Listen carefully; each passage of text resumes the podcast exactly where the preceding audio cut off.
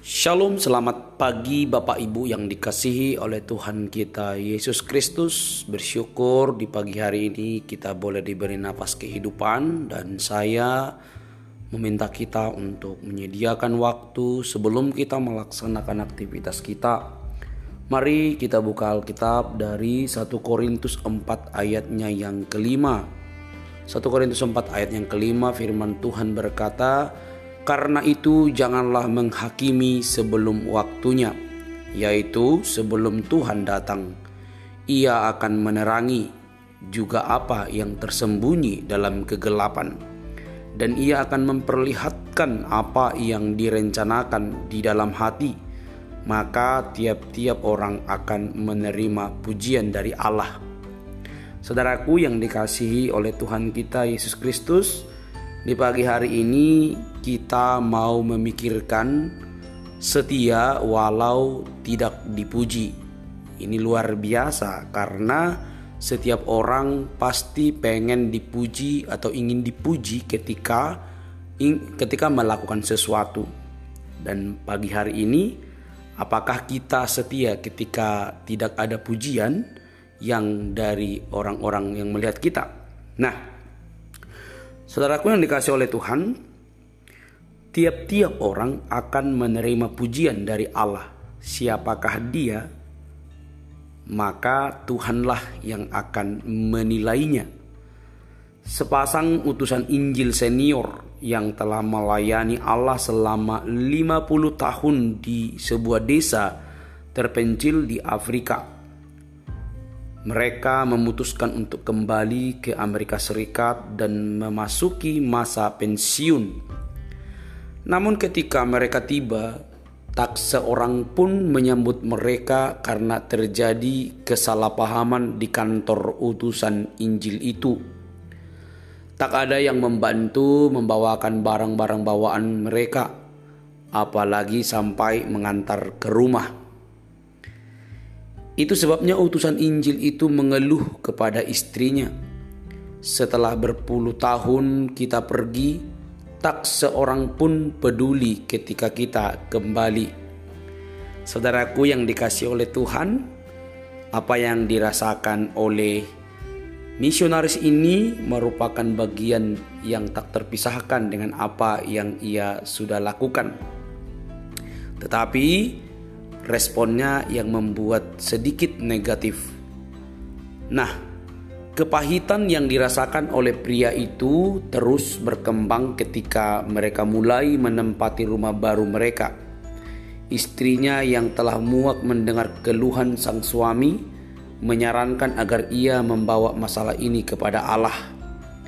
Akhirnya, sang suami masuk kamar dan memberi waktunya untuk berdoa.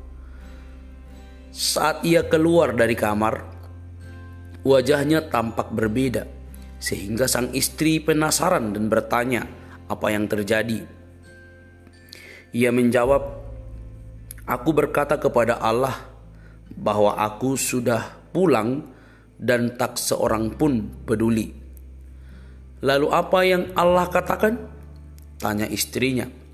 Dia berkata, kamu memang belum pulang ke rumahmu yang sejati. Mungkin Anda dan saya juga telah melayani selama bertahun-tahun di sebuah tempat di mana tak seorang pun memperhatikan atau memperdulikan apa yang telah Anda atau saya perbuat. Kalimat ini mesti kita pahami. Kita sudah lama melayani, tetapi kita tidak dihargai, tidak diperhatikan, tidak diperdulikan apa yang telah kita lakukan, malah mungkin sering disalahpahami. Namun, Allah senantiasa melihat dan peduli. Itu yang penting. Suatu hari kelak, ketika kita tiba di rumah abadi kita, tiap-tiap orang akan menerima pujian dari Allah. 1 Korintus 4 ayat 5 tadi. Sementara kita ada di dunia ini, tetaplah setia Saudaraku yang dikasih oleh Tuhan, hal ini mengingatkan kita. Setia itu sulit. Ya, tanpa ada pujian tetaplah setia. Dibicarakan tetaplah setia. Tidak dihargai tetaplah setia. Tidak dianggap tetaplah setia. setia itu luar biasa dan itu sulit untuk dijalani. Tanpa Allah, kita lebih cenderung mengeluh, nuntut A, nuntut B, nuntut apa saja. Saudaraku yang dikasih oleh Tuhan, firman Tuhan pagi hari ini mengingatkan kita supaya kita menyerahkan seluruhnya kepada Allah. Dunia menghargai kesuksesan, tetapi Allah menghargai kesetiaan. Jadi, apa pun yang terjadi dalam kehidupan kita, dipedulikan atau tidak, mari kita serahkan seluruhnya kepada Allah, karena Tuhan akan menilai siapa yang setia, walau tak dipuji, walau tak dihargai, dan siapa yang tidak. Jika saya dan Anda melihat dunia kita akan stres. Jika kita melihat ke dalam, kita akan depresi. Jika kita melihat Tuhan, kita akan tenang luar biasa. Mari belajar untuk melihat Tuhan selalu dalam segala hal yang kita lakukan. Tetap setia, Tuhan memberkati kita. Shalom.